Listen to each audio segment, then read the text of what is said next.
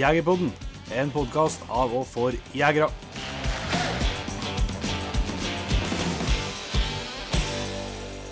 Hjertelig velkommen til en helt ny episode av Jegerpodden. Jon Inge, er du klar til en ny episode? Absolutt. Jeg har eh, sett uh, fram mot den her. Ja, det er jo faktisk noe vi har snakka om eh, lenge at vi burde gjort, og som det har vært mye spørsmål om eh, i løpet av de årene vi har holdt på. Uh, så det var på tide. Norske harehundrasene. Yes. Vi Større slår rett og slett et slag for uh, de norske harehundrasene og, og eh, håper at det er et lite bidrag til at noen blir mer nysgjerrig på rasene. Ja, det har jo vært styggartig, det. Mm. det er jo tre raser vi har. Det er jo hygenhund, eh, hallenstøver og dunker. Ja. Og eh, vi tenkte først at eh, vi skulle prøve å finne en gjest som kunne snakke litt om alle, men eh, det var jo kanskje ikke så overraskende, så var er vanskelig. da. Folk har jo så gjerne sin, sin favorittrase, Ja. så da, da måtte vi finne en eh, ekspert på, på hver rasen, og det har vi gjort. Og så tenkte vi at ja, men det blir en fin episode, sånn typ Halv- et kvarter, 20, Ja. kvarter 20 minutter per hver. Det må vi ha fått til. Det ble det ikke. Eh, Det ble eh, i kjent jegerpodden-stil litt, eh, litt lenger enn det, så derfor så blir det her, i- her, er del én, da. Mm. Og da skal jo dere få høre en kar som heter Bjørn eh, Roald, som skal fortelle oss litt mer om Hygen og historia der, og hvordan den eh, rasen både ble til, og hvordan det går framover, og hvordan det går med nå.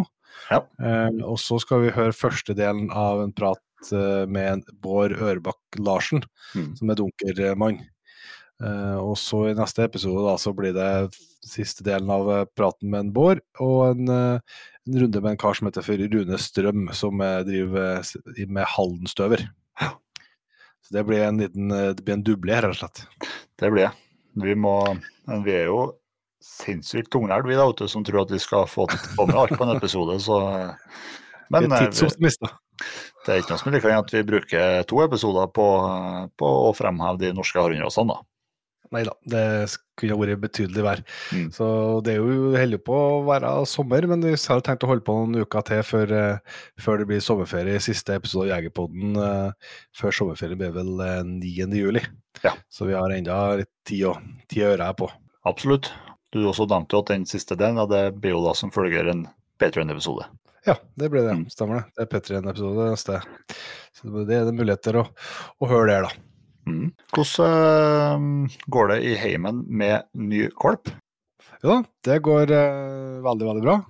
En uh, aldeles eh, topp kvalp så langt. Uh, Sjølsagt er det litt sånn hyss, men, det går veldig bra. Rolig og fin og trygg og, og grei å ha med å gjøre. Og han og Shero har blitt bestekompiser. De henger noe lag hele tida. Ja. så det blir jo et sjokk til Dagsen den, om en 14 dagers tid, når han rekker seg dobbelt så stor, sikkert. Men de har det noe artig i lag, og VK Tinka er veldig fornøyd med forøkelsen, virker det til. Det måtte vi gå redd eh, Rex her i stad, og sånn klassisk eh, var ute og så plutselig var han borte, da. Og så måtte han begynne å lete litt. Og så hørte jeg det ble jævla skjelling på han fra inne i garasjen, så sprang han inn der.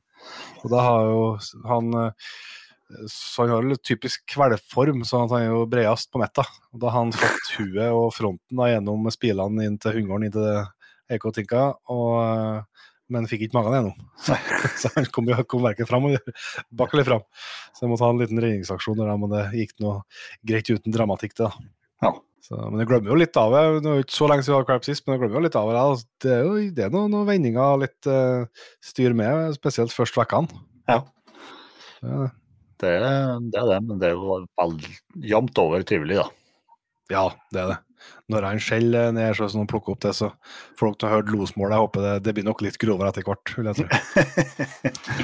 Det er mer sånn kling. Det klinger godt nå. Ellers så syns jeg han eh, viser lovende takter på å holde seg framom losdyret losstyret når det kommer til robotklipperen på planen. Jaha. Så det ser, ser veldig lovende ut, det. Du, skal, du må begynne å hive skinn over eh, Du skal kle inn robotkløpperen robotklipperen i noe elgskinn vet du. ja, det har jeg tenkt på. eller om Jeg skal ha det just opp på gaup, så jeg må sette den oppå. Men det er greit å komme antall ut på nabovarsel før da. Det ser litt ruff ut. Ja, du har da noen, noen naboer som jegere òg, så det kan jo fort hende at det Ja, ja. Det smeller. Eh, apropos los og losdyr, så eh, har vi en eh, utfordring her eh, med et pinnsvin som har mer eller mindre flytta, flytta hit. Jaha. Det er, det er ganske jevnt med los da på, gjerne på kveldstid og på natta. Nå har til og med Zero hatt stålos på, på pinnsvinet. Ja. Så det, det er det første gangen for min del i hvert fall at jeg har fått overvært stålos på pinnsvin med dags. Eh, Ja. Det var noe, det er ikke så lenge siden første gangen med Jevntun heller. Men de har jo litt eh, underlig strategi, der, eh, for de ligger jo bare og tråkker. Ja. Og trives tydeligvis veldig godt ned til unngården, så det kan gjerne ligge i 30 cm utom unngården. Ja. I to-tre-tida. Ja. Så hvis noen har gode tips til hvordan du kan lokke bort uh, pinnsvin, så mottas det med takk. Og du satt og herma meg i forrige episode for at jeg plages med noen kråk. Kråk her. Ja, men, men de, eh, jeg vet ikke, det er jo ikke, jeg har ikke sjekka, men det er jo ikke jakttid på pinnsvin. De er totalfreda, så det er det som er forskjellen. Det er ikke noe jakttid på kråk heller?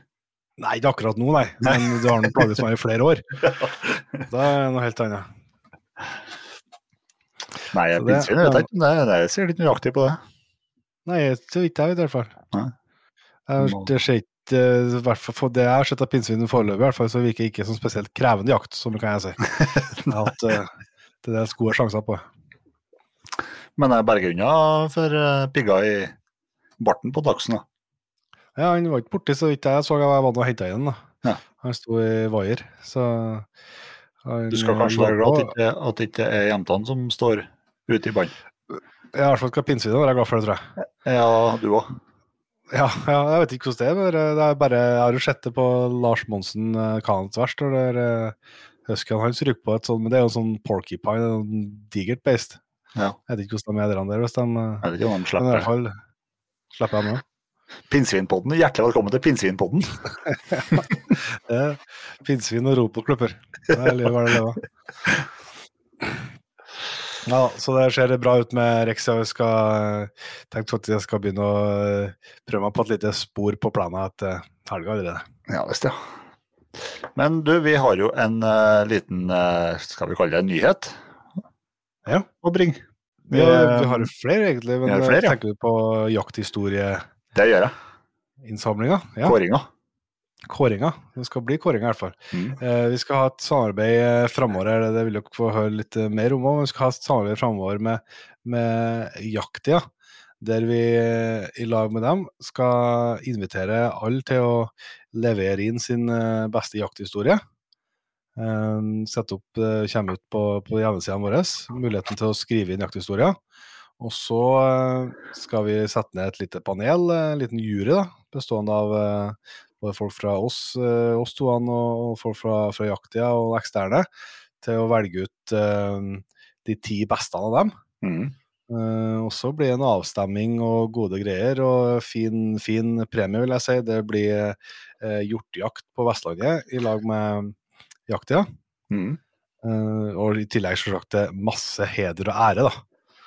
Eh, Ja, det er stor stas det å få å bli vinner av eh, sånn jakthistoriekåring. Det, det håper jeg, Ja, ja. Det håper jeg henger høyt. Det håper jeg òg. Så, så det skal komme med info, men det må dere holde øynene og ørene opp for. Det har vært kjempeartig hvis vi har klart å få samla mye, og både for eh, også for å få lese og få kåra en vinner, men det kan jo være gode oppspill til flere episoder senere òg. Absolutt. Så det, det blir tøft. Artig at eh, har vært med på det opplegget der. Det tror jeg kan bli en, eh, en kjempe, kjemperunde for alle involverte. Mm. Og så tenkte jeg også skulle Det er jo ikke en helt en eh, nyhet, men eh, det er i hvert fall plass til flere. Det er oppretta ei eh, Facebook-gruppe som heter for Jegerfadderen. Eh, og den eh, vet jeg faktisk eh, er litt inspirert av prosjektet Ta med deg en. Mm. Eh, der eh, målet med den gruppa er at eh, ja, de som er førstegangsjegere eller har lyst til å prøve seg på en ny jaktform, kan, kan finne folk som har lyst til og anledning til å ta dem med. Mm. Og det er selvsagt også mulighet hvis du har jakt tilgjengelig der du kan ta med noen, så kan du jo legge ut fra den sida. Det er et initiativ. in, initiativ. Veldig bra. Jeg ble Mm. superhappy da jeg så, så dere. Så Jegerfadderen på Facebook, folkens. Det er bare å søke opp og melde seg inn. Det er jo kjempeartig hvis det, noen kan eh, få prøvd seg gjennom, eh, gjennom det. Og kudos til dem som har oppretta gruppa og satt i gang initiativet. Mm. Så det var nå litt uh, siste nytt. Men eh, skal vi rett og slett eh, begynne eh, harehundpraten og sette over til en eh, Bjørn Roald og høre litt mer om hygenhund? Ja, da blir det hygenhund først, og så går det slag i slag. Yes. Da har vi gleden av å ønske Bjørn Roald eh, hjertelig velkommen til Jegerpoden. Mm. Du, eh, vi skal jo snakke om uh, hygenhund uh, med deg, Bjørn Roald, men uh, før vi starter på med det, så eh, må vi la lytterne få høre litt hvem en uh, Bjørn Roald er for noen. Ja, jeg er uh, blitt 64. Jeg er uh, eh, Hva skal jeg si på eh, enslig og bor, bor på Modum. Ikke så langt unna ser over til Viksjøbakken. Mm. Eh, jakta Vært aktiv, veldig aktiv jeger før, kanskje ikke så mye i dag, men eh, det dabba litt der. Kanskje litt med alderen å gjøre, jeg veit ikke. Det er ikke like eh, jaktinteressert som jeg var, men det er nå så. Jeg er eksteriørdommer og jeg er jaktprøvedommer. Og jeg har eh, æresmedlem i Buskerud og har en klubb, for jeg har lagt ned mye tid i organisasjon osv. Jeg har også sittet i avslått for Hygen i 13 år, selv om det var 20 år siden jeg ga meg der. Mm. Så eh, jeg var, eh, har vel lett for å gå veldig opp i ting jeg interesserer meg for. og da, Så en gang i tida så kunne jeg nok stå og ramse opp stamtavlene på Hygen bare på, med nummer alle sammen på husk lang, i mange ledd bakover. Så eh, det var liksom sånn det bare var. Det var litt klisterhjerne, skjønner du. Ja. Det er perfekt for oss med en klisterhjerne. Ja. Nei, altså dere Grunnen for at jeg begynte med hygenhund, det var jeg vokste opp eh, på Åmot. eh, Og da jeg husker liksom alle disse harabikkjene som eh, var hjemme den gangen. Jeg gikk forbi noen gamle lokale harejegere, og da hadde de bestandig rød harabikkjer. Og det var liksom interessen min vekt for det, de harabikkjene der. Og da viste at eh, i seinere tid så viste det at det var nesten bestandig en blanding av dunker og hyggen.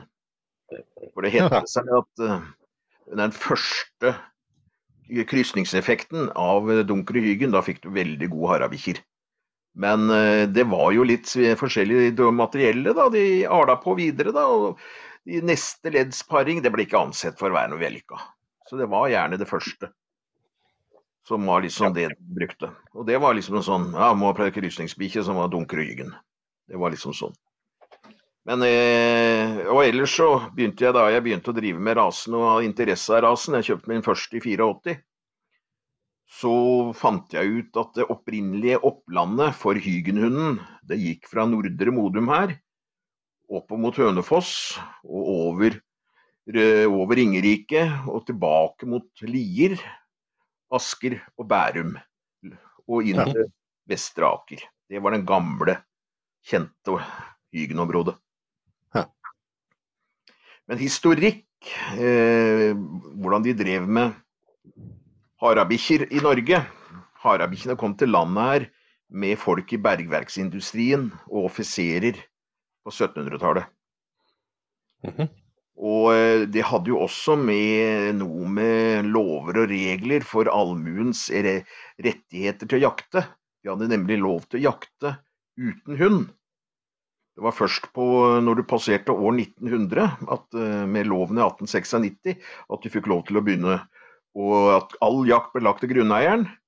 Og, det, og du fikk etter hvert jeger- og fiskforeninger som måtte da gå sammen for å få seg egne jaktområder. Hæ. Så eh, harabikkjene dukka jo opp på som sagt, på seint 1700-tallet. Du hadde flatbyjaktene, skrevet i en bok om Collett-familiens jakter i Enebakk. Der dukka det fra var det sosial jakt med harehunder. Mhm. Man eh, fikk prokurator H.F. Hygen, som eh, prokurator var en finere tittel for advokat, som holdt til opp på Setrang overfor Hønefoss, eh, mot, eh, mot mm, ja, Ringkollen. Han begynte å ale på en egen rase. Og, du fikk, eh, og det ble etter hvert tilegna Hygens rase som navn. Mhm. Samme som du hadde kaptein Wilhelm Dunker med dunkere. Du hadde også noe som heter Glattvettrasen, som holdt til i Hønefoss, som eh, dunkerfolket sier at det var deres, og Hygenfolket sier var deres. De var brun, brun svarte og hvite. Ja. Brun, svarte og, ja, brun, svarte og hvite. Så nesten litt ut som en finstauer i dag. Og dette her eh, Du kom jo da med Kellenklubbens start i 1898. Norsk Harehundklubb, eh, eller spesialklubb for harehunder som den opprinnelig het, i 1902. Norges jeger- og fiskeforbund må hoppe litt tilbake. 1872, med sin første utstilling i 1877. Da var det hare- og revehunder. Og så begynte det å Som Altså med alle raser, da. Når du lager en rase, så parer jo veldig tett. Så det var jo mye far-datter-paring, mor-sønn-paring. Og eh, så da for å feste en rase som man fremelska. Men allerede den røde og hvite hygenrasen, som var den dominerende fargen, allerede i 1903 så skriver Bernt Hygen, sønn av prokuratoren, en eh, artikkel i, eh, i eh, Norges, nei, Norges Jeger og Fisk, eller var det Kennenklubbens spesialtidsskrift, det husker jeg ikke i farta. Han skriver da en artikkel om det ensidige paring på rød og gul hygen, så vil fargen bli blassere og tynnere. Og Det er faktisk en ting som vi har erfart her helt opp til i dag. Hmm. Og hvis du da parer en for å bedre hårkvaliteten og sånt på hygen, vi har jo også den svarte farven, parer du da en svart hygen og en rød- gulrød hygen, så vil du få bedre hårlag og gjerne mørkere brødbrune bikkjer. Hmm. Og historikken på den norske rasen, det er noen som snakker om gotlandsstøver, og du snakker om holstenske raser fra Nord-Tyskland, Holstein- Schleswig-Holstein.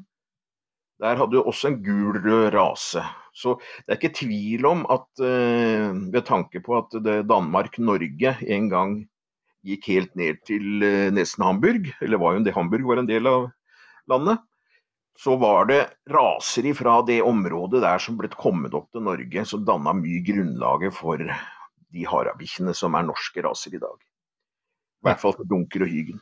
Så, eh, så det er liksom litt av bakgrunnen. og og det ble også skrevet at Hygenhunden den var en sånn typisk bondehund. Det var en som ble holdt ut på garner rundt omkring, rundt omkring og blei brukt på jakt. Ferdig med det. Det var ikke noe utstillingshund, det var ikke noe jaktprøvehund. Det var liksom mataukhund. Ja.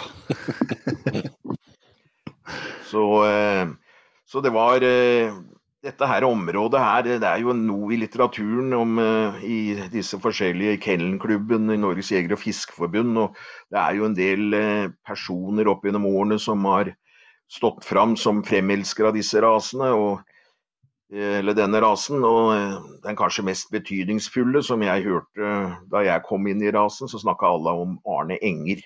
Han døde i 73. Han var i- egentlig fra Sylling i Lier, og bodde etter hvert i Kjølberggata i Oslo han var liksom den som jobba veldig fram for rasen gjennom etter krigen og fram på 60-tallet. Mm. Seinere så fikk du en, eh, en sørlending som heter Hans Bringsdal. Han var nede fra Mandal, eller Holum overfor Mandal. Han døde, døde, døde senest i fjor. Han var 86 år gammel. Han var en pådriver og en eh, energi og en drivkraft eh, så stor at han nesten skremte folk vekk fra seg. Men han, han la ned enormt arbeid og hadde mange, mange championer. Har du, har du noe, har du noe egne, har du noe hygen fortsatt i dag, Bjørnvold? Bjørn Roald? Du, pga. sivilstand og arbeidssituasjon, akkurat i øyeblikket er jeg sittende hjemme for øyeblikket pga. jobbsituasjon, så har jeg ikke hatt hund på ti år. Nei. Men jeg har hatt eh, tre hygner ettervandrere, og jeg har, eh, men jeg merker jo dette her med Når du ikke har egen hund, så er du ikke like hissig på å, dra på skauen og må ut med bikkja og drive så, som jeg var før. Og jeg, selvsagt jeg tenkte jeg kunne være med noen kamerater og være med dem, men nei, det, det er ikke det samme. Og det er artigere med sin egen, ja. Du, Hvordan er utbredelsen til hygenhund i Norge i dag? Da? Hvordan, eh, hvor store antall snakker vi om? Ja, jeg har, eh, var inne litt på Kellenklubbens eh, lister og eh, så at det jeg kunne føre tilbake på den, er fra 2000 og fram til 2020. Så er det registrert 348 hunder. Mhm. Med bånd, båndsiffer, eller helt i bunn, i 2014 med ni. Ja. Da var det litt tilfeldigheter ute og gikk, men da ble det kun det. Og da jeg kom i rasen i 84, så tror jeg det var 84 registrerte faktisk i 84, og 114 i 85. Etter det så har det gått eh, bare nedover og nedover og nedover. Mm. Men vi fikk en eh, Nå var det ikke så veldig populært med jaktprøver eh, fram før det kom ganske på slutten av 80-tallet. Og da begynte vi å få veldig bra jaktresultater, og prosentvis, i hvert fall å henvise til, prosentvis høye premieringer. Så vi var vel faktisk, eh, uten at jeg skal eh, sverge på det, så var det vel prosentvis i eh, antall jaktstarter og antall hunder, så var vel ved noen år rasenes, eller landets beste hardhundrase. Ja. Men eh, det er jo litt et tall som kan jo diskuteres ikke sant, i sånn sammenheng, men de står, nå- står nå der. Mm. Så eh, Og det, det er noen som stiller veldig mye på prøve, og du er alltid avhengig av en sånn liten rase, at du har noen profiler som står veldig på. og så drar på prøver og får ha gode bikkjer og fremmer dette her. Men Mm. eh, hadde jo kanskje litt håp om at vi skulle kanskje markedsføre rasen litt bedre på den måten, men det er et vanskelig materie. Mm. Mm. Og det har også litt å gjøre med eh, Nå ser jeg dere er vel sånn i 30-årsalderen eh, omtrent et sted, kanskje. Mm. Og eh, går du på et medlemsmøte i ved- ved rundt omkring, så er de hvithåra og gråhåra, og ellers så har de ikke hår. Og det bare gjenspeiler seg i aldersgruppa. Ja, er passer bra der, du, har, Petter? Ja, jeg har, ikke mye, jeg har ikke mye hår å vise til, men, eh, men jeg skjønner, jeg skjønner, hva, skjønner hva du tenker på. Hva, hva, tror du, hva tror du er grunnen til at det har blitt sånn, Bjørn Roald? Nei, det er rett og slett en generell forgubbing. Og, og så har det Jeg har jo mine meninger om det, at etter hvert som kanskje dette her eh, Det er blitt sånn holdning, han skal ikke skyte. Man skal sitte og kikke på Mm. klokka, og man skal liksom føre med på peilen. Og så skal man diskutere, og så håret reiser seg nesten på meg, og høre om hvor liksom los, losen går med avstand og, og og skalleffektivitet, liksom mange bjeff man presterer og alt dette her. Og, og det, det er blitt så teknisk ut av det. At, som ikke har noe med gammeldags harejakt å gjøre, rett og slett. Så jeg, jeg er skeptisk på den utviklingen der. Og det er jo bare et tidsspørsmål for eh, dette med droner, som i utgangspunktet ikke er lov, kommer til å etablere seg. At de sitter der og følger med på en drone og ser der jager bikkja, ikke sant. Og kameraer på vesten og alt mellom himmel og jord. Kanskje ikke så utprega på en harejakt som på en elgjakt, ikke sant. Men det er liksom du, du du forsvinner, det blir så teknisk alt sammen. Mm. Mm. Før så kunne du Nå har jeg dømt eh, på jaktprøve siden 89. Og eh, da kunne du oppleve at ei bikkje forsvant av gårde, ikke sant. Og hvis du ikke da fikk kreka deg på den høyeste åsen og du hadde den rette bikkja, så så ikke du kunne du risikere at du ikke så noe mer til den bikkja den dagen før den kom inn i satt og, etter at eieren hadde sittet og venta til mørkets eh, til mørket kom, ikke sant. Mm. Mm. Men nå vet du, så leser du at den er den veien og så og så stor avstand. Det er egentlig veldig fint, det skal jeg knekte for. Men du opplevde da at det var jo liksom Kunne oppleve dager, da. Ja. Men altså, det er jo godt gjort at, at hygenhund som rase har, har overlevd, da. Og fortsatt er, er aktuell. Men vi har jo eh, Nå har jo eh, feil Altså, vi kan si eh, Hvis jeg kan kalle det defekter. Eller eh, Vi hadde jo et temperamentsproblem på rasen, eh, gemyttmessig. Ja. De sa jo det på, etter krigen, da, så ble det avla på veldig mye på var mye sånn matadoravl. På enkelte hanner da, som hadde rett eksteriør. De eh, skulle da brukes på alt. Det var ikke bestandig eh, de egenskapene de sendte videre var så bra. De var kanskje gode jagere, men det kunne også være en god del ganske hårreisende gemytt. Mange husker uh, Hygen som en sinna hund på 50-60-tallet. Og eh, det var rett og slett et problem, og det var en del som uh, ga, ga opp rasen pga. det. En Mm. profil i, i hardhundmiljøet her i Buskerud, han hadde Hygen på tidlig 60-tall, og han viser fra meg med bitmerkene ennå på armen etter bikkja. Så Det har det, har man eh, fått avla seg bort ifra, eller? ja, nå, ja. vi har avla oss ganske effektivt vekk fra det. Og eh, du Mm. kan oppleve noen litt forsiktige hunder, eh, men ikke aggressive hunder. De sa jo det fort vekk at kom det elgbikkje flyende inn på en gard som det sto en Hygen, så da så du elgbikkja på full fart nedover veien omtrent ja, avrive i pelsen. Ja, men det var jo det er sånn at vi, man forbandt med at ordentlig jaktbikkje den skulle være sinna. Det var jo sånn på elgbikkjene da jeg vokste opp. De sto Ja, der mm. etter oss, ikke sant, omtrent. Og samme var det på eh, harabikkjene, eller på hygenhundene. Men eh, det har vi Jeg kan Nå har jeg dømt i 20 år, og jeg har vel bare opplevd et par ganger at det har begynt å dure i noen, men jeg har aldri blitt forsøkt bitt. Nei. Så, eh, så det eh, Men eh, det er et problem som eh, i hvert fall gamlekara, og også jeg for den saks skyld, det begynner jo snart å høre med til dem, har det litt i bakhuet at dette med gemytt må vi følge med. Men nå, eh, jeg veit hvilke linjer eh, som det lå i, for du hadde en storoppdretter eh, i Oslo som heter Fjell. Og han, alle bikkjene hans var knallgode jaktbikkjer, og han avla veldig tett. Og der var det også litt grums i gemytt. Ja. Men han døde i 84, så det Så han har lagt inn årene uten, uten Men det var gode bikkjer han hadde. Men du som er, som er eksteriørdommer og greier, da, hvordan, eh, hvordan eh, ønsker man at hygenhund skal, skal se ut? Fram til i 72 så ble hygenhunden godtatt på sånn som det også sto på dunkerstandarden, at særskilt gode hannhunder ble godtatt to centimeter over maksmål. Altså Den gangen var maksmål 58, og særskilt gode ble godtatt på hannhund opp til 60. Det ble fjerna i 72.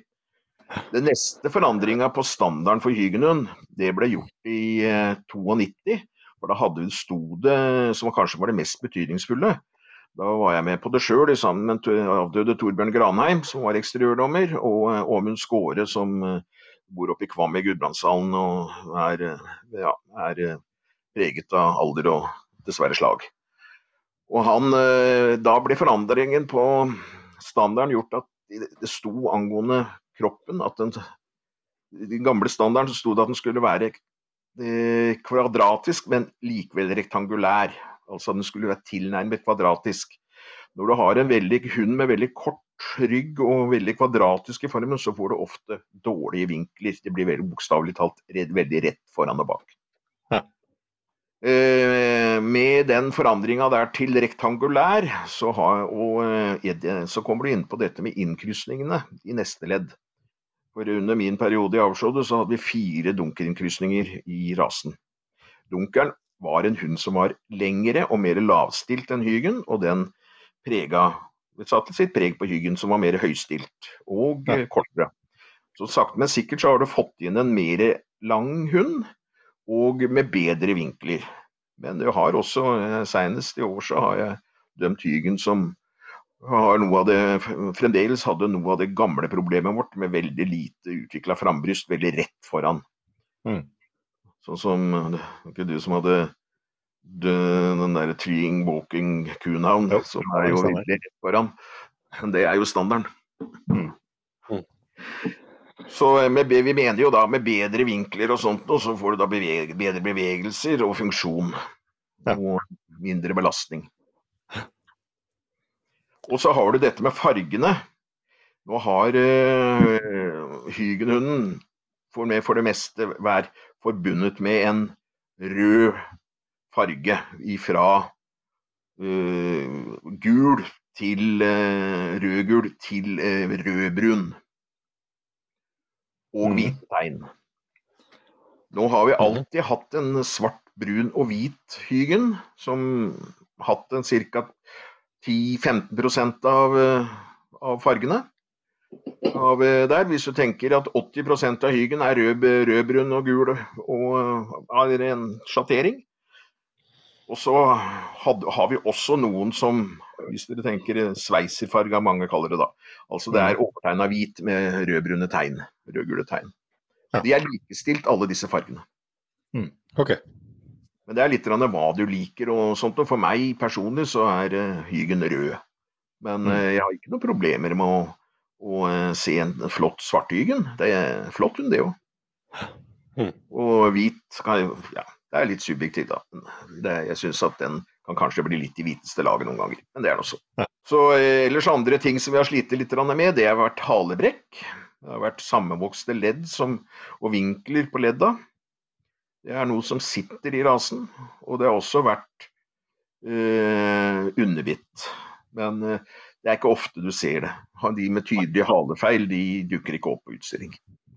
Så det er, men det er, liksom, det er feil som er på vei, vei ut? Det Du, den der med halefeilen, den sitter skikkelig i rasen, altså. Den er sånn at du kan kan ha flere kull ettervandrere på sammensetninger og alt sammen, og så ikke noe hale, halefeil, og så får du et kull det er ja, Av ti valper, da, så har sju av dem halefeil.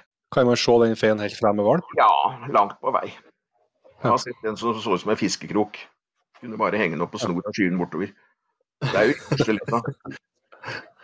Ja.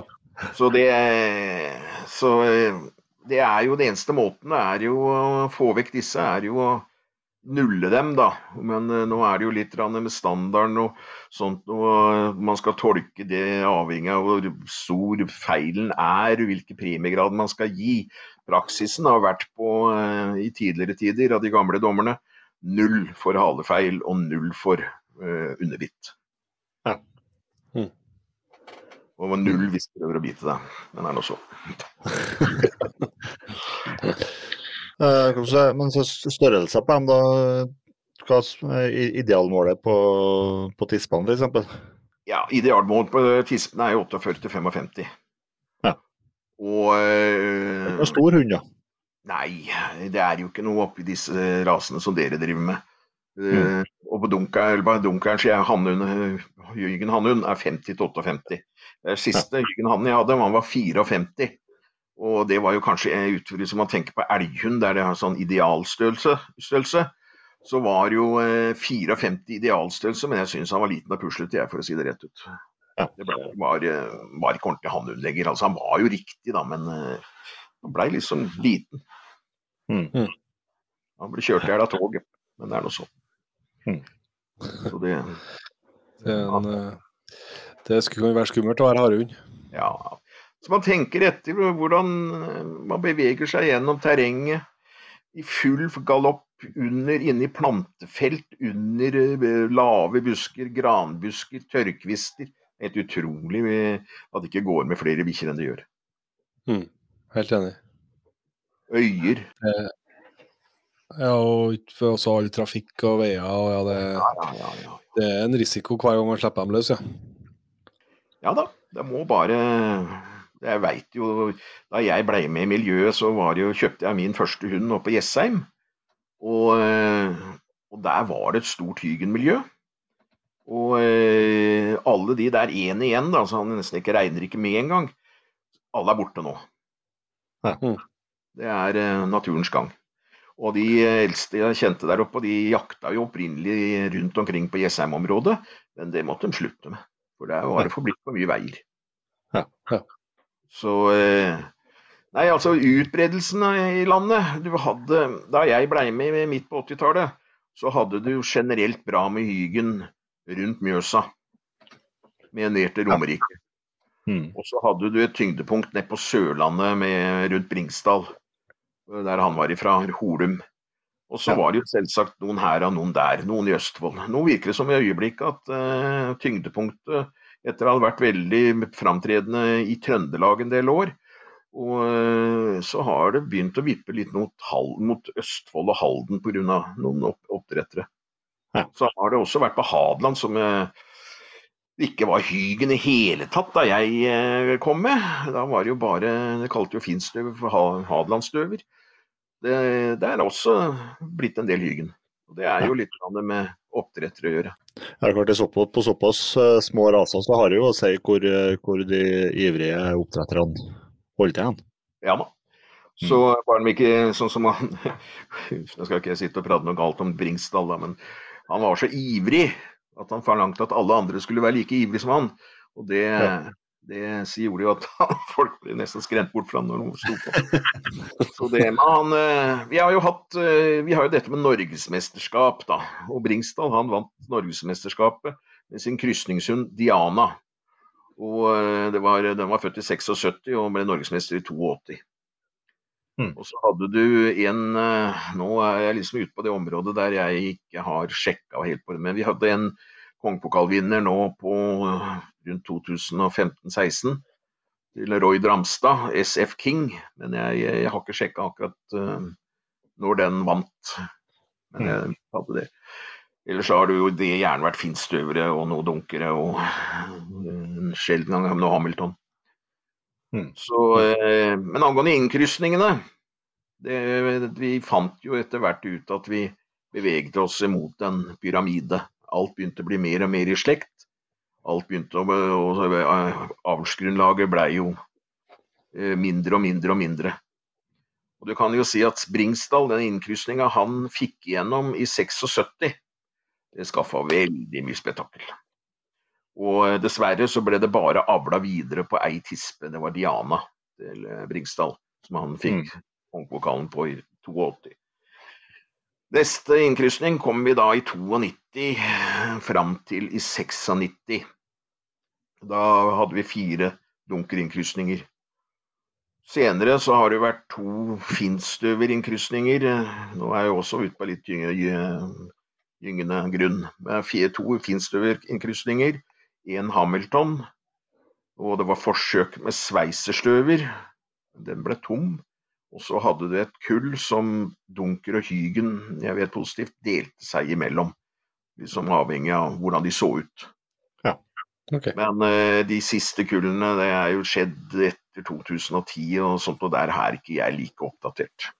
Mm. Men på de, kryss, krysningene, Bjørn Roald, uh, er, er det hvilken rase tispa er som avgjør liksom om det, som sa, ja. som det er tygenkull eller ja, det er et dunkelkull? Det har vært vanlig sted. Så det, det, vi har hatt Hygen tisper som har blitt paret i disse tilfellene.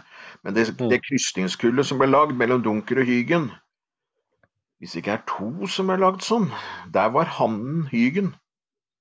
Den Erling Næss, han eh, som også satt i som jeg samarbeida med, han satt i avslod i over 20 år, tror jeg.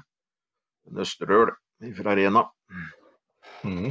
Og han er forresten en ordentlig bjønn- og, og ulvejeger, holdt på å si. Han, eh, han har vært jobba i utmarkstekniker. Mm. Så han øh, Den Mulig var to kull det ble brukt der, jeg husker ikke helt. Hvordan er det med eh, i skogen? da, altså skille, Hva tenker du som dommer og har dømt uh, forskjellige raser? Er det noe som du tenker skiller uh, hyggenstøvelen fra, fra, de andre hardhundrasene? Det har jo vært sånn generelt et holdning fra den tida det var mest dunker og hygen og litt Hamilton som var dominerende raser. Og da snakker vi om 50-, 60- og før det tallet. Finstøveren kom jo først inn eh, ordentlig inn tidlig 70-tall. Og eh, da var det liksom hette seg at Hygen kom tidlig, altså begynte å jage tidlig, og gikk tidlig. Dunkeren var seinere. Det var liksom noen mest typiske forskjellene eh, derimellom. Og, og, men Hygenhunden, også kjent for å være veldig kjapp til å ta ut. Og det er, altså, Jeg har dømt en 160 bikkjer på prøve. Og eh, jo, det, det, er litt fra individ til individ, da. Det var ikke sånn de gamle sveiserstøverne var. De skulle ha med seg hvert bidige hopp rundt omkring. Og da. Så det Nei, altså Hygen har eh, Det er liksom noe måten de jobber på.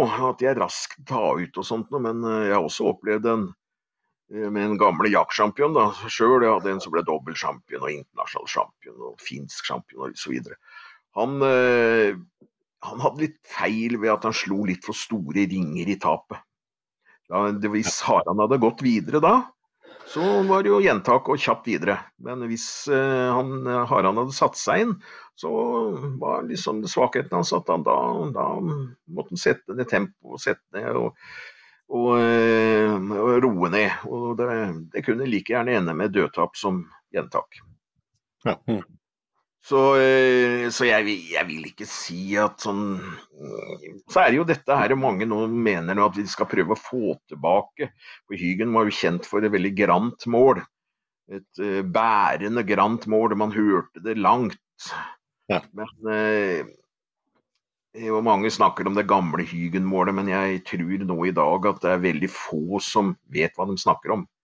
Mm blir eh, Noen ganger så kunne litt smed, små tisper, litt sped tisper, så kunne rett og slett hele målet bli borte hvis det var eh, bare på noen hundre meter, litt snø på trærne osv. Så, videre.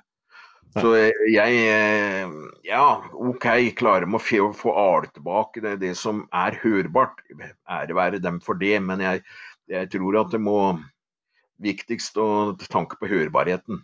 Det, men det er bare, de har klaga pga. innkrysningene at du har fått en del eh, som som eh, ja, som vi sa i gamle dager, eh, finstøver handunder og dunker handunder som du hørte sånn nesten maskinjaging. Du hørte bare Det var ikke noen nyansering. og Det, det var også en ting som Hygen var kjent for. Å nyansere veldig i forhold til avstand til losdyret.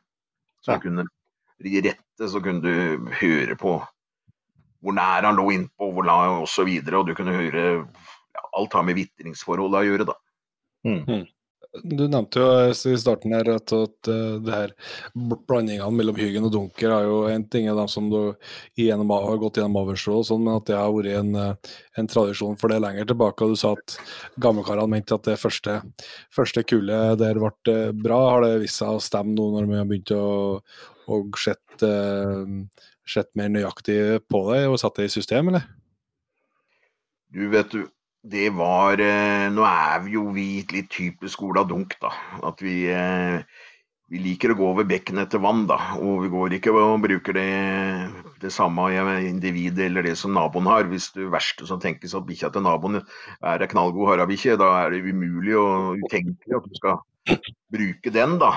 Det er liksom litt sånn typisk for oss nordmenn. Så da skal man finne noe helt annet. Og del av disse her krysningene ja, det var andre tider. Det betydde mye, rett og slett. Fløyen eh, en hara var en middag, da, for å si det sånn. Og, eh, og eh, da prøvde jeg å pare med ikke skulle, hadde vi ikke mulighet til å reise langt, og det skulle helst skje i nabolaget. Da, og, og da blei det gjerne para noen bra individer i første ledd, men det viser seg at det viste seg den gangen da, at de, ble, de valpene som kom deretter igjen, da ble, ble, ble, det rett og slett brukt for dårlige individer. Ja.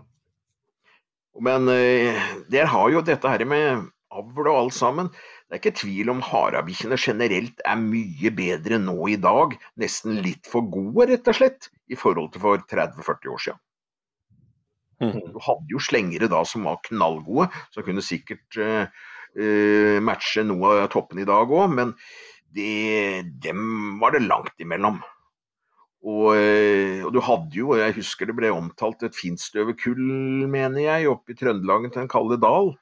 Det er jo også 70-tallet, og den, der ble alle championer. Og da kommer du inn på mm.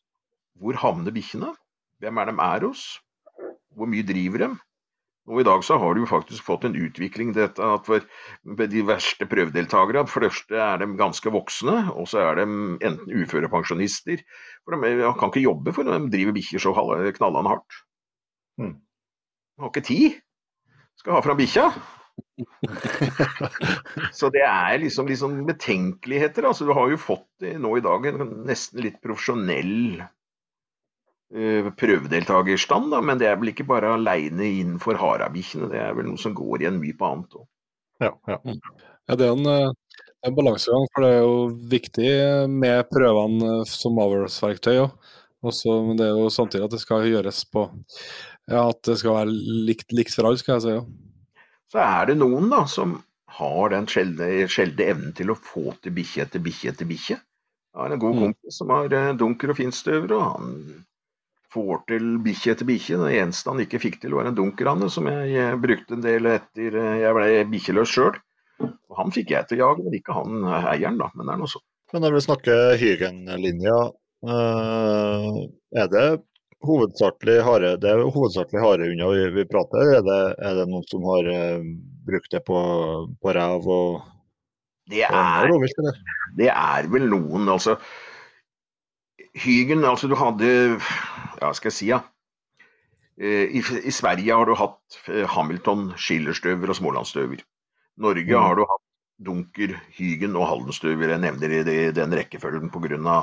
Uh, alderen på, eller da de ble danna som raser. Mm. Og uh, I Haldenstøveren er det jo utvilsomt mye Foxhound. Og uh, i Hygenhund og, og Mens ja, i Sverige så har det vært mye mer populært med revejakt enn i Norge. Ja. I Norge så har jo vært Hygenhunden vært forbundet med som revebikkja, da. Selvsagt kanskje noe haldenstøvel i det at det er Foxhound bak der. Mm. Men eh, jeg kjenner ikke noen personlig som har holdt Hygenhund bare for revejakt. Og jeg husker eh, sjøl da jeg var eh, aktiv i organisasjonen og var med på RS-møte på, eh, på, eh, altså forbundsmøte. Og da var det snakk om innføring av revesjampionat, og da var det så sterke krefter, spesielt fra Trøndelag, som var imot det. Det var liksom verste tenkes kunne. Mm. Og jeg sa hva om jeg får til bikkja mi å jage rev, eh, om jeg ønsker det? Nei, det det dreit de i, holdt å si. Det var i hvert fall noe forbanna tull, og eh, det var det verste de hørte om akkurat det der. Da, eh, men det er jo blitt reversjampinat og, eh, og, fullt mulig, det der. Og jeg mm. veit jo sånn her i den Jeger og fisken her sånn, så på det tidlig 60-tallet så var det organiserte revejakter med hihunder og bikkjer og alt sammen, altså. Så det, det er noe som har vært litt sånn avhengig av enkeltpersoners og gruppers interesser, og så har det kommet opp og vært populært en stund, og så har det blitt litt ned igjen. Mm. Men jeg jeg opplevde jo den store reveskabbtida da på midten av 80-tallet og utover på 90-tallet. Da hadde jo eventyrlig med hara, da. Ja. Mm. Så, men jeg veit jo, inne på den Jeger og fisken jeg sogner til her, den er faktisk en av landets eldste, altså danna i 1900. Den, eh, der er det Da jeg blei med og begynte å jakte hara, jeg var jo litt fuglejeger før jeg begynte med harabikkjer, da, da var jo masse harabikkjer inne på de 35 000 måla vi hadde her inne. Og eh, vi jakta på, og, og eh, det lød jo haraloser alle veier. Nå i dag så er vi kanskje ja, Vi kanskje var 15 stykker den gangen. Nå i dag så er det to, kanskje. Ja. Og så den oppvoksende generasjoner av deres alder og yngre de prøver å organisere. Jeg syns det er mer moro med rev og gaupejakt. Da er det jo voldsom mobilisering. Ja, ja. Så, eh, så, det Men eh, ja Jeg veit ikke. Det har vært en altså Problemet har vel kanskje vært i at en rev som de merker er folk i terrenget, den går rett av gårde. Ja. Og da er det jo helvete å få tak i bikkja, og du må liksom før peilens tid og alt sammen, så måtte vi reise rundt omtrent halve kjerkesokkene rundt omkring her for å finne bikkja igjen. Og de som hadde hatt da ei revebikkje som hadde lett for å jage, jage det, de, de, var jo så drittlei dette her, for å si det rett ut, at det var liksom som å banne i kjerka, altså, å nevne noe om det. Ja. Så jeg De bikkjene jeg har hatt, de tre jeg hadde etter hverandre, da, den så de, ingen av dem har vært noen utpreget revejagere. Det var mer sånn å skysse unna. Men Du snakka litt om den rekrutteringa. Hva tror du Bjørn Roald kunne ha vært i noen grep man kunne gjort for å ja, både for å ha fått, uh, fått flere Hygen-hunder eh, ut til folket, men òg fått flere interessert i både jaktformene og, og fått, eh, fått forynga forgubbinga, for å bruke et uttrykk? Altså, jeg vet at det var en del eh, skriverier, og man prøvde å, liksom, å fremme hygenhundrasen som en av norske nasjonale raser, ikke sant, en av de syv. Uh, og, der, og, da kom det da en del idealister ikke sant, som uh, meldte seg inn og syntes at det hørtes veldig flott ut å få en norsk hund. Ja. Men så spurte de om de jakta. Nei, hadde heller ikke planer om det, men ville ha en norsk hund. Og det er jo liksom, da jeg sier hund som en fellesbetegnelse på de syv rasene. Og det var jo liksom litt betenkelig, da. At de uh, skulle kjøpe da ei bikkje som var fremavla for jakt, og ikke jakte. Men eh, Så det, det, det, vet jeg at det har vært en del oppdrettere som har blitt kontakta pga. akkurat den problematikken der, at de vil gjerne ha en, en norsk uh, hund, og de syns at den hygenhunden så så fin ut og alt mulig. Men, så uh, det, har vært, det har forekommet, det der. Mm. Så det er jo en framelska, spesialisert hund for, uh, for en funksjon, da.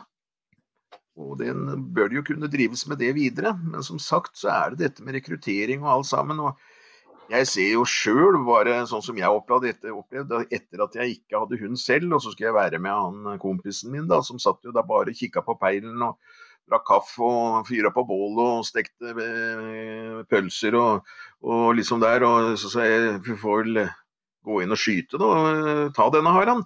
Nei, nei, nei, nei, vi må jage en time til. Ikke sant? Det er liksom den holdninga der eh, overfor en ung eh, Jeg husker sjøl eh, den gangen jeg blei med på harejakt. Jeg var vel et par og 20 år. Jeg var jo rimelig trigger-happy, ikke sant. Jeg ville jo skyte. Mm. Og hvis du da opplever da stadig vekk at nei men, Så da har du et problem, da, for, og da er det jo liksom mer nærliggende og litt mer sosialt og spennende kanskje med revjakt.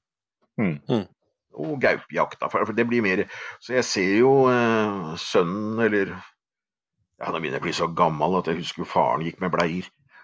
Eh, sønnen til en kar.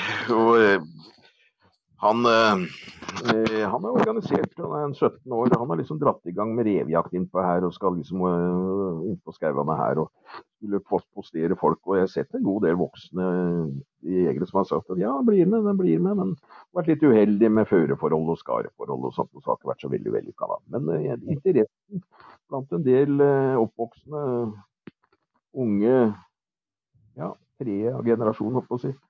Det er interesse ute og går. Du Bjørn Roald, det her har vært veldig eh, interessant og lærerikt. Spesielt for oss to som ikke, som ikke har så mye Som ikke har eh, ja, nesten ingen erfaring med, med hygenhund fra før. Nei. Altså En annen ting også med hygenhund, snakka du med gamle eiere. Som de som hadde hygen på 50-60-tallet. Nå begynner jo dem å bli godt voksne hvis de ikke er borte. De sa at to ting som gikk igjen. Det var at de hadde en periode med litt dårlig labber. Og så var det gemyttet. Men uh, det, det er ikke tvil om at uh, hvis litt skarpt føre, da, at du river opp eller i altså de, i klo, eller klofester og hårfester på kanten av potene og sånt, og at det blir slitt der, så kan det jo på snøføre se ut som en rein slakteplass rundt der uten at det er noe, egentlig noe stor skade. Mm. Jeg hadde den første hannen jeg hadde, han han kunne se litt sånn ut. Men han var aldri plaga med noen såre labber, han egentlig. Men det var bare at det kunne være noen rifter og noe sånt. Det ser eh, mye verre ut. Det ser mye verre ut enn det, ja. På snøen. Ellers så kan jeg godt holde et langt foredrag om Gebryde Merkel fra før og etter krigen òg, hvis dere ønsker. Det tror jeg tror vi må ha til, ha til god, Bjørn Roald. Men uh, vi prøver jo å avslutte uh, pratene våre som vi har med så heldige å få med oss gjester, med å be om ei, ei jakthistorie fra, fra nei, livet. Uh... Forferdelig tørr. Og forferdelig kjedelig. Det var mest den der fleipen den sveisersjøveren at, eh, at gamle sveisersjøvere var så populære blant gamlekarene at uh, for de brukte så lang tid på å ta ut. De skulle ha med seg hvert bidige uh, harapellet, så på å si, eller hver bidige sted harene hadde vært bortimellom. Så karene satt der med kaffedoktoren og kosa seg, og da endelig disse sveisersjøverne tok ut, da hadde de fått for mye og hadde sovna. Men uh, det er jo sånn Nei, jeg har ikke noe, eh, jeg har ikke noe sånn øyeblikkelige eh, historier der. Det er ikke der, eh, det er ikke der jeg ligger. Jeg har ikke, det er ikke min Nei, vi, skal, vi skal uansett si tusen takk for at du tok deg tid til en, til en, liten gjennomgang med oss og gjort oss litt klokere på, på Hygen eh, på Hygenhund. Det var, satte vi stor pris på. Så eh, ja, nei, det var litt rann, Dere har dere intervjua Bård Larsen nå, eller? Vi skal gjøre det nå snart. Han er enda bedre enn meg til å prate. ja, men tusen takk for praten. Det var altså Bjørn Roald, Jon Inge. Artig ja. kar med en god del erfaring på, på minikortet. Erfaring og og må uten tvil ha en uh, viss uh, form for klisterhjerne.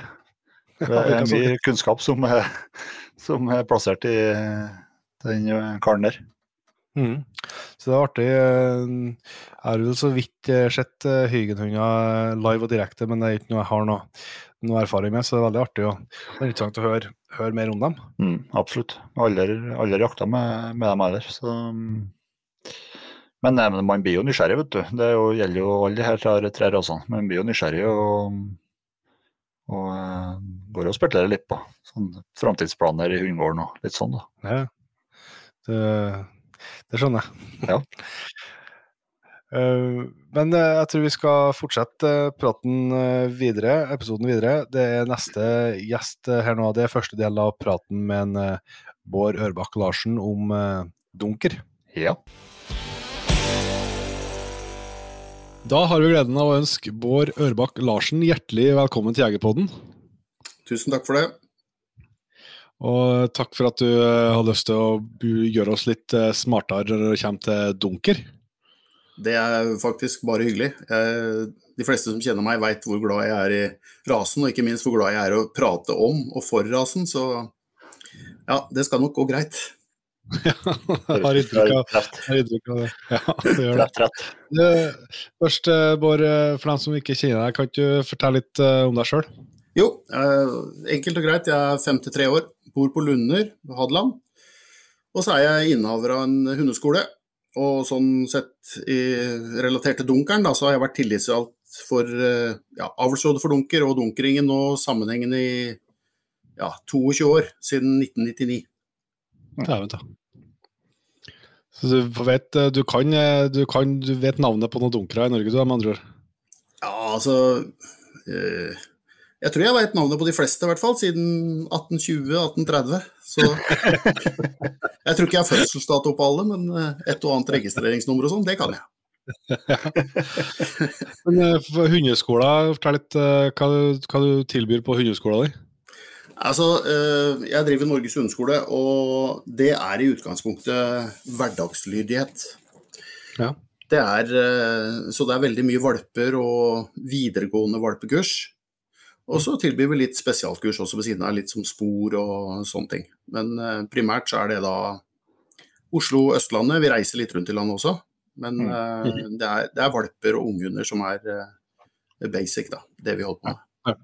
Mm. Ja, men da, det, er, det er både jakthunder og, og alt alle, alle slags raser. Ja. ja. Og ikke minst alle det man ofte kaller raser i dag, da, som er eh, blandinger av litt av hvert. Ja. Det, det doodles? Masse doodles. Doodles har blitt eh, veldig populært. Og, men for all del, det er bedre at eh, de kommer på et kurs, enn at de sitter hjemme og prøver å finne ut hvordan de skal ordne det sjøl. Jeg, jeg, velger jo alltid å tro at at det er det vi kaller for forebyggende og konfliktdempende. Ja. At folk, folk, har en viss eh, basiskunnskap eh, mm. eh, når de får seg en hund. Mm. Mm. Absolutt. Det er jo et bra tid for det. det vet ikke jeg forstår, så har det blitt mye nye hundeeiere som følge av korona, eller? Altså, det er helt, helt vilt. Helt enormt hva som har skjedd når folk da har vært hjemme. Og mm. mange flere vil ha hund, og selvfølgelig produseres det også veldig mye mer. Nå er det jo liksom litt um, tvega det her, da. Fordi vi har jo stort sett vært nedstengt ikke sant, siste året. Så vi snakker om, eh, vi som da har mye kurs eh, på sentrale Østlandet, og spesielt Oslo, så har det liksom vært eh, fire-fem måneder da, hvor eh, ingen har kunnet møttes, ikke engang ute. Så Nei. det er mange som har stått i kø, men nå som det har åpna opp i mai og juni, så ser det ut som vi har fått tatt unna det aller meste av dem som har stått og venta på kurs. Ja. Men du, hvordan eh, kom eh, interessen din da for, eh, for ja, jakt og jakthunder og dunker og, og, den biten der? Ja, den fikk jeg vel mer eller mindre inn med morsmelka. Altså, Ja. faren min, uh, harejeger, dunker. eh, begge onklene mine. Bestefaren min og oldefaren min. Så kort og godt så er jeg Nei, altså, jeg er fjerde generasjon på farssida som har samme rasen. Så det hadde blitt mye eh, rasling i kistene rundt omkring hvis jeg hadde funnet på noe annet, tror jeg. Det hadde ikke gått bra. Nei, det forstår seg det. Men eh, så du har, du jakta eller vært med på jakt helt fra du var liten? Du har, Ja, fra jeg var bitte liten guttunge. Og Mm. eh, ja, jakt og fiske også. Så, Ja. Og jeg husker jo sjøl også liksom, hvordan, jeg husker faktisk hvordan jeg grein meg til å få være med. Og jeg var jo det man anser for veldig liten. Veldig ung. Ja. Så ja, det, er, eh, det har vært eh, hele oppveksten og livet mitt. hva, hva skjer jaktåret ditt eh, ut nå? Eller er det, det hare det du jakter eksklusivt, skal jeg si, eller du jakter du andre ting òg? Ja, altså Nå på mine voksne dager så jakter jeg litt andre ting òg, som kanskje vil glede dere yngre generasjon litt. Jeg har plutselig fått igjen interessen for uh, åtejakt på rev. Mhm. Og det, det er rart, altså. Er- som sagt, jeg er jo 53. Og den der følelsen fra jeg var guttunge eller ungdom, med å sitte og vente på en eh, rev om natta, det er spennende. altså. Det er rett og slett spennende. Og så ikke minst når eh, det er litt sånn rufsete ute, kanskje, så gjør jo ingenting å kunne sitte varmt og tørt og, og vente på en rev, og gjøre andre ting også. Så Klart. Ja, det revejakta har jeg fått eh, full fress for. Og mm, jeg har også eh, har noen naboer her som er veldig ivrige på å jakte rådyr, så det hender jo at jeg slenger med dem noen turer òg. De sier jo at eh, skal være rådyrøyne, men det har ikke vært noe problem med Bikkjene har ikke jaga rådyr, men det har hendt at jeg har vært med litt på, på det også. Altså I yngre år så jakta jeg alt. Det var helt Ja, det var ikke grenser. Og hvor mange ganger jeg har sittet ute under ei gran og, og venta på kråker, altså klatra opp i grantoppen og satt opp lokkekråker. og Vi hadde jo liksom kassettspillere med riktige frekvenser og greier på 80-tallet, da. Og kjøpte inn digre hubro-bulvaner og så jeg jakta det meste, altså. Rotter til og med på den kommunale søppelfyllinga, for det fikk vi også lov å skyte. Så jeg, jeg var ganske allsidig, vil jeg påstå. Det er bra, det. Ja, jeg tror ikke du blir noe dummere eller noe dårligere jeger av å ha erfaring med andre typer jakt også, så Absolutt ikke. for meg har det i hvert fall vært lærerikt. Mm. Mm. Og givende. Eh, hvordan, eh, du driver hundeskole, men eh, du regner med du har noen egne hunder òg per dags dato? Ja Flokk med dunkere, eller? Jeg vet ikke om jeg kan kalle det en flokk, jeg har i hvert fall to. Ja. Altså eh, eh, en på tre år som er i ferd med å bli voksen nå, Mm. eh, som viste ganske lovende takter i fjor, så jeg håper jo at han blir såpass nå sesongen kommer at jeg kan starte den på en jaktprøve eller to. Mm. Mhm. Og så har jeg en uh, liten valp på fire måneder. Ja. Så den, uh, fram, fram til nå så har det vært mest å spore med langline, men uh, det begynner veldig tidlig. Så lenge dem viser interesse, så sporer jeg med sele og langline på valpen. Legger ja. Legger du spor, eller fer du bare ut i, i skogen og finner et, eller hvordan eh, Ja, det er jo sikre observasjoner, og jeg vil jo gjerne liksom prege den på å følge lukt etter det viltet han skal jage når han blir voksen. Så sikre observasjoner er jo det aller beste. Ja. Og altså nå på forsommeren og sommeren så er det jo en del harunger å se rundt omkring, og da er det som regel noen andre harer i nærheten òg, så leiter du nok, så finner du dem. Ja. Mm. Når da, når er det du begynner så når det er fire måneder nå, skal du til å begynne å slippe den eh, i skogen på, i håp om å bruke den på, på jakt i høst, eller eh, hvordan er det med på harehundene? Ja, altså, her er det jo voldsomme diskusjoner hvor noen da mener at uh, det er farlig for hundenes utvikling å slippes og brukes for tidlig osv. Men hvis vi liksom tar et skråblikk ut i naturen da, og ser på valper som fødes der, så går det ganske hardt for seg. Altså. Og de lærer tidlig å bli selvstendige. Og de blir ikke båret opp og ned trapper og sånn, dem, altså, for at de ikke skal utvikle både det ene og det andre, som folk påstår. Så eh, når jeg får en valp, drar jeg ut i skauen med en gang. Med en eneste gang. Når valpen blir sliten, så kommer den inn og legger seg. Så det er liksom å sitte rolig og la valpen få lov å få begynne å bruke sanser og få inntrykk, og gjøre seg kjent i det miljøet hvor den faktisk skal bli en jakthund når den eh, blir større. Mm. Så jeg er ikke noe redd for å dra ut med valpen i det hele tatt. Og jeg går ikke tur i to-tre mil, jeg sitter rolig. Mm. Reiser meg opp, flytter meg kanskje 50 meter og ja, setter meg på nytt. Ja. Mm. Det er ikke om å gjøre at bikkjene skal bli like late som eh, jegeren. Ja, det høres jo eh, ut som en kjempestart, syns jeg. bare. Hvis vi drev oss litt mer over på, på dunkeren, eh, da Jeg vet jo at du kjenner historikken eh, både bak den, men eh, og tidligere, vi satt og prata før her, så nevnte du at eh, det kunne spores hardhunder i Norge tilbake til 1100-tallet. Hva var det du sa? Ja, det stemmer. Jeg kan kort først si litt om det, da, før vi begynner å snakke om rasen dunker og andre raser osv. Så, videre. så har vi jo eh, en ganske stor studie som eh, eh, professor August Brinkmann i Bergen gjorde på eh, 1920-tallet. Det var et, eh, etter en utgraving i Trondheim, midt i Trondheim sentrum, i Øvregate, så ble det funnet eh, en person av større betydelse.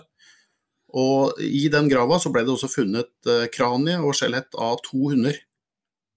Og med stor sikkerhet, 100% sikkert, så kunne disse kraniene da, eh, og skjelettene eh, bevises å være det man på den tida kalte for norsk hardhund. Og var, Årsaken til det var jo at Brinkmann sjøl også var en ivrig jeger. Og han har også hjulpet til når det gjelder eh, historikken rundt eh, elghundene med sine studier. Så vi er altså helt sikre på at vi hadde harehunder her i Norge eh, helt tilbake til 1100-tallet. Og det er ganske oppsiktsvekkende, for vi prater jo alltid om liksom, tyske offiserstand, jernverksarbeidere osv. Og, så og at de hadde med seg sine harehunder, det er helt sikkert riktig.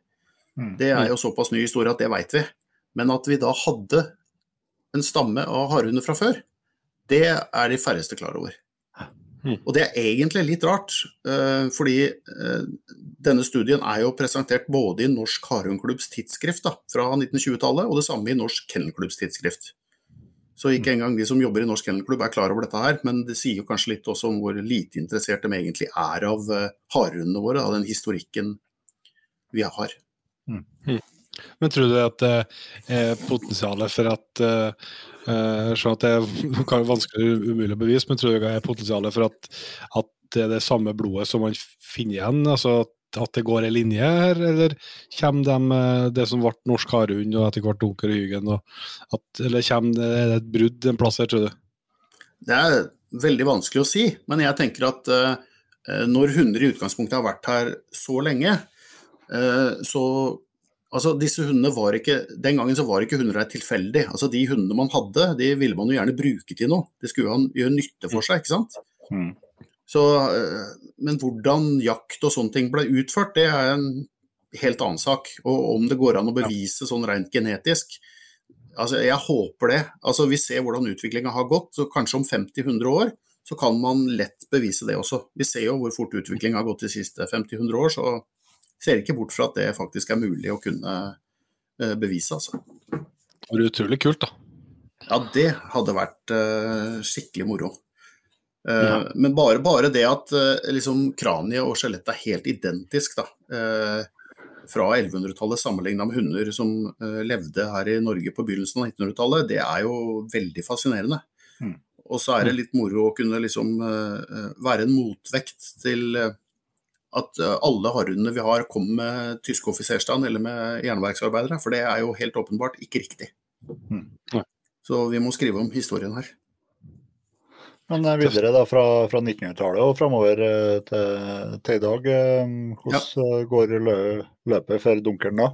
Altså Når vi snakker om dunkeren, så snakker vi jo oftest om opphavsmannen, da, som var Wilhelm Konrad Dunker. Han ble til slutt eh, kaptein i norske forsvaret, eh, og er liksom opphavsmannen, han som har liksom fått navnet til eh, rasen. Han var født i 1807 og døde i 1860, så han ble ikke noen gammel mann, men han fikk i hvert fall utretta mye og starta et veldig seriøst oppdrett. Den han gjorde det sammen med, var en som het general Jakob Krefting. Og han var en del eldre enn Dunker. Eh, Så Dunker han ble offiserutdanna allerede som 19-åring. Han ble løytnant allerede som 19-åring, og hadde den store interessen og hadde hardhunder. Så eh, fikk general Krefting han fikk, eller fikk kjøpt, liksom det vi kaller stamhunden, Vide Musikk. Og det var rundt eh, 1825. Og Vide Musikk ble da para med en tispe som eh, Dunker hadde, heter Klinge. Og ut av den kombinasjonen kom det fem droplete valper, og det skrives at de også hadde glassøyne, altså blå øyne. Ja. Så det er liksom starten, og da er vi liksom ja, 1820-1825. Og området for utvikling, disse her eh, Altså, eh, Krefting bodde i utgangspunktet og eide en gård oppe, som heter Oppsal, oppe på Valset i Romedal, Hedmark.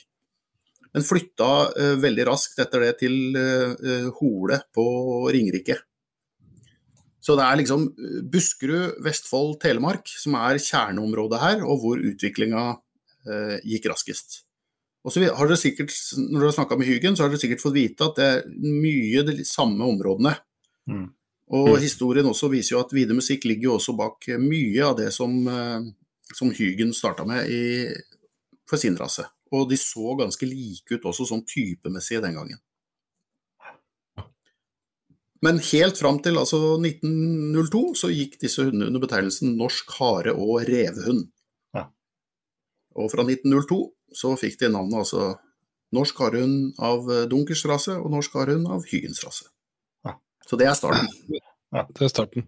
Når det var en av samme rase, så var de så tydelig forskjellige liksom innenfor samme rasen, så det var lett å vite hvem som måtte skulle hvor i de, i de to nye grenene. da.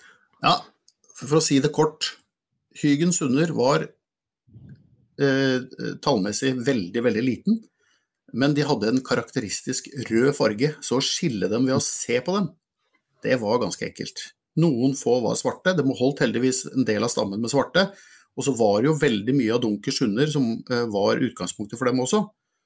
Og dermed så kroppsform, sånne ting, var likt. De var grovbeinte, tydelig rektangulære. Hygen hadde et mer kileforma, noe kileforma hode, og litt kortere ørelag og litt mer høyt ansatte ører. Mhm.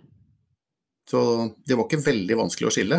Men eh, når første utstillingen i Norge var i 1877, så gikk jo ja, 90% av disse hundene som Dunkers rase. Og det var alt, altså. De var svarte og de var droplete og ja, litt av hvert. Det var ikke veldig homogent, om vi kan si det sånn.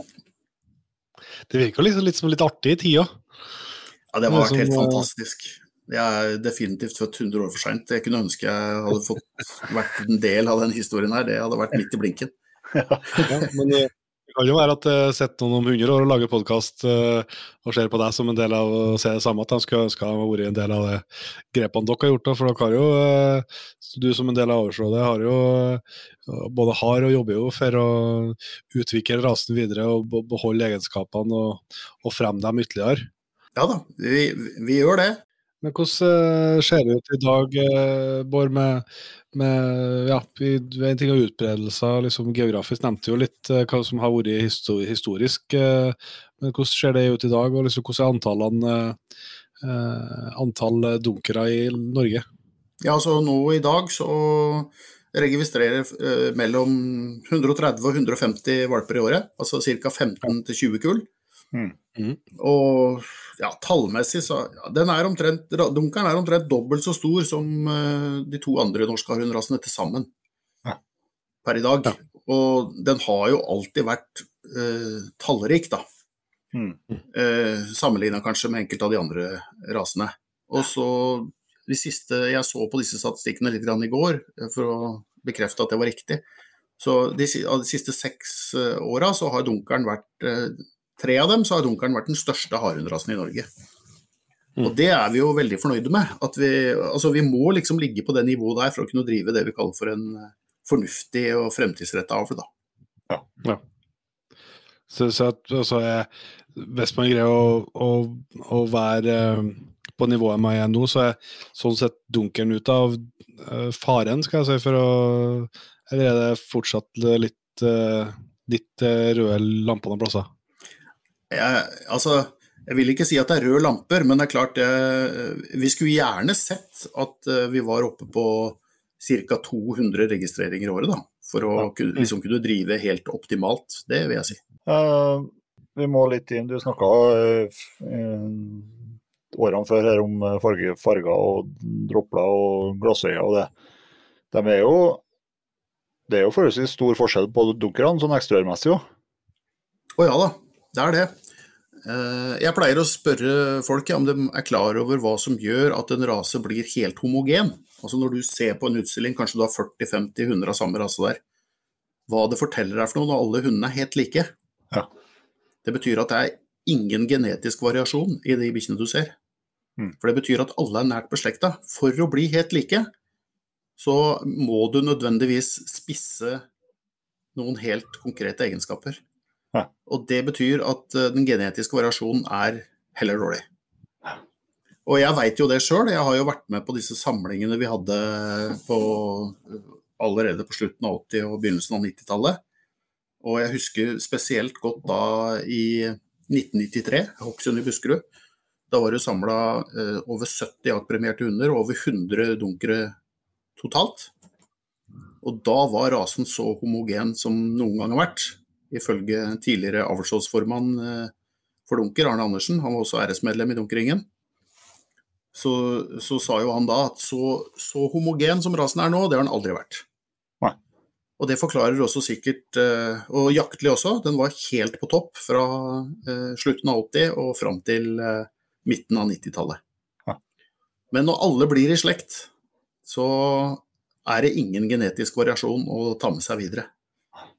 Så det var det som tvinga fram da, at rasen måtte gå ut og begynte å hente friskt blod, altså ny, ny, genetisk variasjon, og starte det vi kaller for et krysningsprosjekt.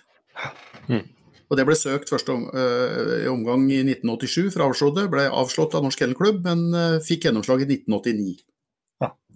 Så det har da pågått siden 1989, hvor det har vært uh, innkrysning. Det var mer omfattende i starten. Og nå er vi liksom nede på sånn hvor vi har De langsiktige planene sier at vi skal ha ett kull ca. hvert femte år. Ja. Men det forklarer jo det du innledningsvis spurte om, hvorfor du ser såpass forskjell. Så er det klart, noen har litt Hamilton, noen har litt uh, finsk, og noen har litt Hyggen.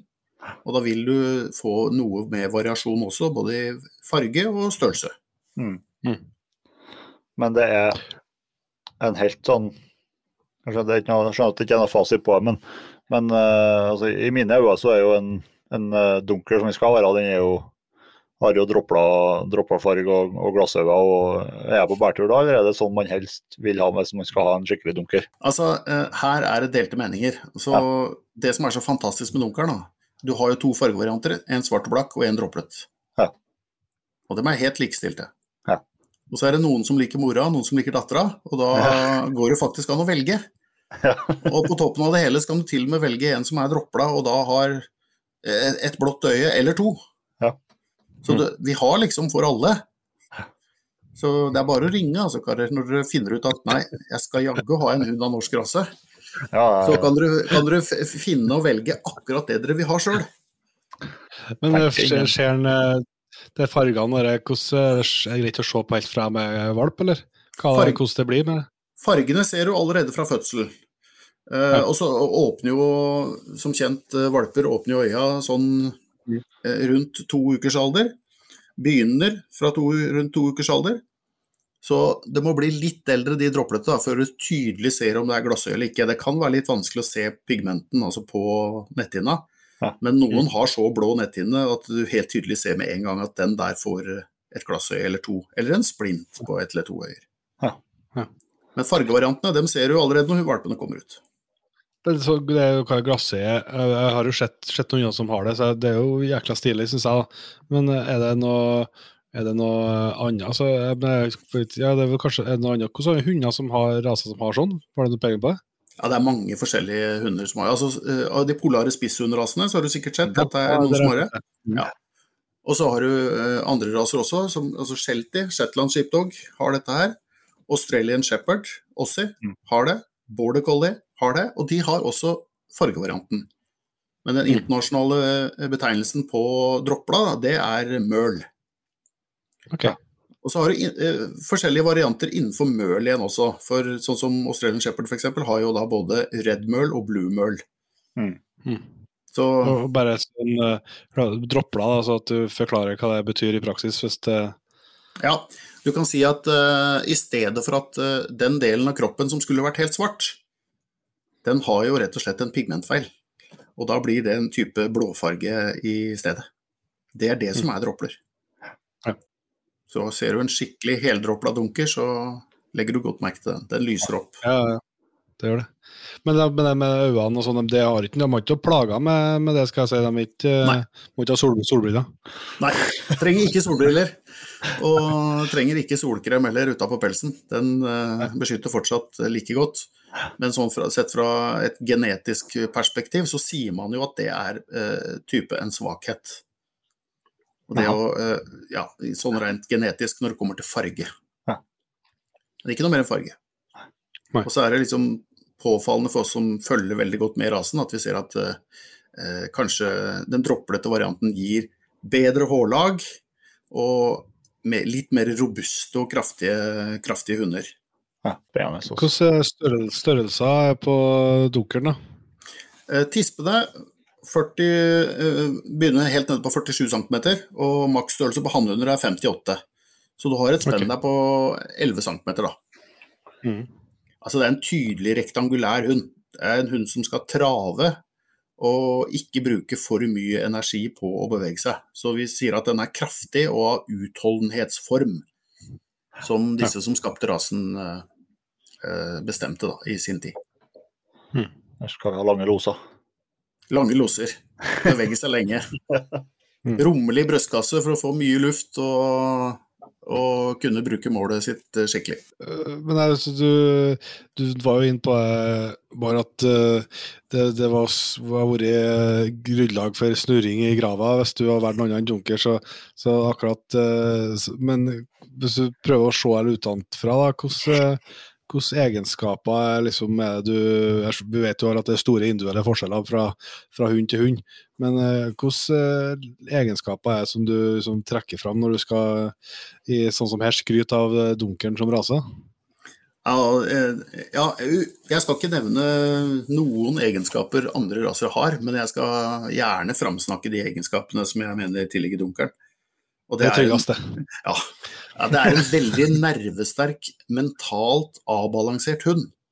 Jeg snakka litt om det her innledningsvis før vi starta opptaka. Så var det sånn at disse som lagde rasen, altså de som skapte dunkeren som rase, ville ha en jakthund som var avbalansert, og som kunne slappe av størsteparten av årene når det ikke var jakt, og ligge under svartovnen, mens den skulle fungere utmerket da, som jakthund. Så det var liksom det målet de hadde, og det fikk dem til. Og det har vi jo gjort alt vi kan for å prøve å ta vare på. Så dunkeren å ha hjemme, veldig rolig, avbalansert, familiekjær, glad i mennesker og ekstremt lite forsvar og trøbbel og som opp mot andre hunder. Så det er en enkel hund å ha. Og så kan du bruke den til absolutt alt. Av egenskaper i skauen så vil jeg si som øh, vårt tidligere avdøde æresmedlem Johan Skei, de hadde labra stål. Og de hadde en enorm jaktlyst. Slo godt ut og jobba selvstendig. Og det står jeg ved i dag. Det er de egenskapene en skikkelig dunker skal ha. Det var altså vår Ørbakk Larsen, det, er jo nye. En eh, meget eh, artig kar, og ikke minst kunnskapsrik og, og masse erfaring, han òg. det er ikke tvil om at han har et eh, hjerte som eh, banker for dunkelen, gitt. Nei, absolutt ikke.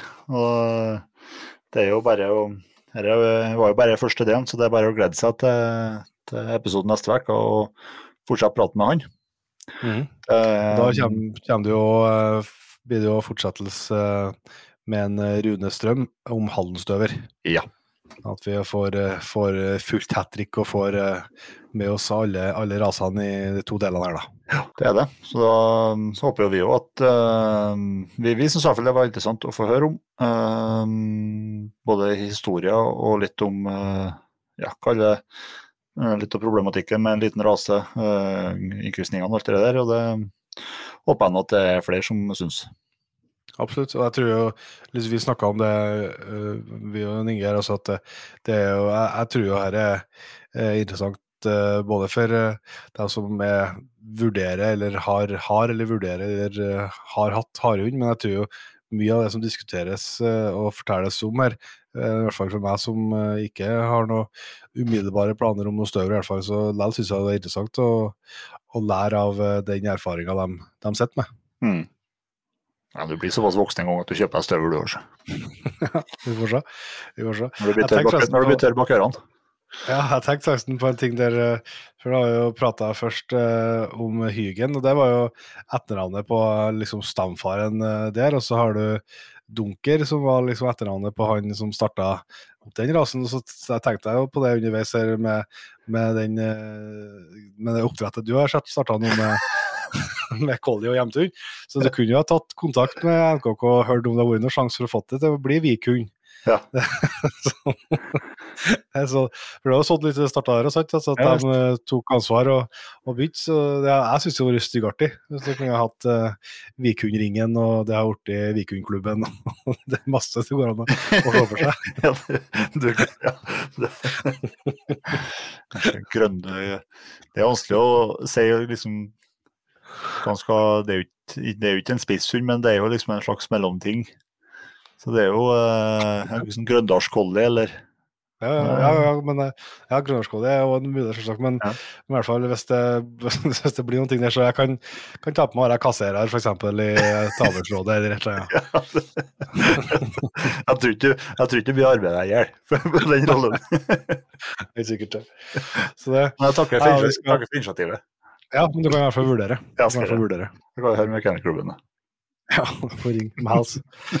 Uh, men vi skal, begynne å, vi skal begynne å runde av uh, denne episoden her òg. Men heldigvis så har vi uh, gleden på tampen her av å ønske en hel gjeng med nye Jegerpodden Patriens hjertelig velkommen inn i jaktlaget. Mm. så jeg tror vi bare starter på toppen Jon Inge, og sier tusen hjertelig takk til Fredrik. Og Jarle Bang Tømmervik. Magne Skoland. Johannes Bjelland. Tonje Brandser. Sivert Berntsen. Magnus. Christian Herfoss. Thomas Wangli. Asle Hauge. Tore Andreas Gundersen. Øyvind Nereng. Christian Grane. Og Andreas Bakken. Tusen hjertelig takk eh, til dere, og selvsagt til hele P3-laget som allerede Eh, er med oss. Det setter vi jo utrolig, utrolig stor pris på. Eh, og hvis eh, du som hører på har lyst til å være sikker på at du får med deg neste, neste del av harehundpraten og, og alle episoder for Jegerpodden, og kanskje har lyst til å bli med i trekkinga av en Toyota Hilux med Jegerpodden Edition som vi skal gi bort et år til en heldig P3 når vi når 3000 i lag med Eh, Nordvik og litt ekstra priser i nettbutikk og det er alle gode greier, så er du selvsagt hjertelig velkommen inn du, og da finner du lenke til det i beskrivelsen av episoden. Mm. Og så skal vi tipse om at uh, du har jo litt sånn uh, countdown på uh, antall dager til jaktstart her på sosiale medier. Ja, ja det nærmer seg. Når den, den fredagen når episoden kommer ut, da er det altså tre måneder igjen til elgjakta. Mm. Og så er det jo jeg er jo masse sesongstarter før den tida. På mm. fugl og rev og rein og hjort og det som er. Og vi har jo fortsatt i nettbutikken med masse Absolutt. bra jaktutstyr. Mm. Og det kommer, kan røpe så mye om at det kommer stadig nyheter eh, ut der, så sjekk veldig gjerne ut nettbutikken vår. Det setter vi stor pris på. Mm. Men da tror jeg vi begynner å runde av, eller? Det gjør vi. Til neste gang, Peder. Vi høres.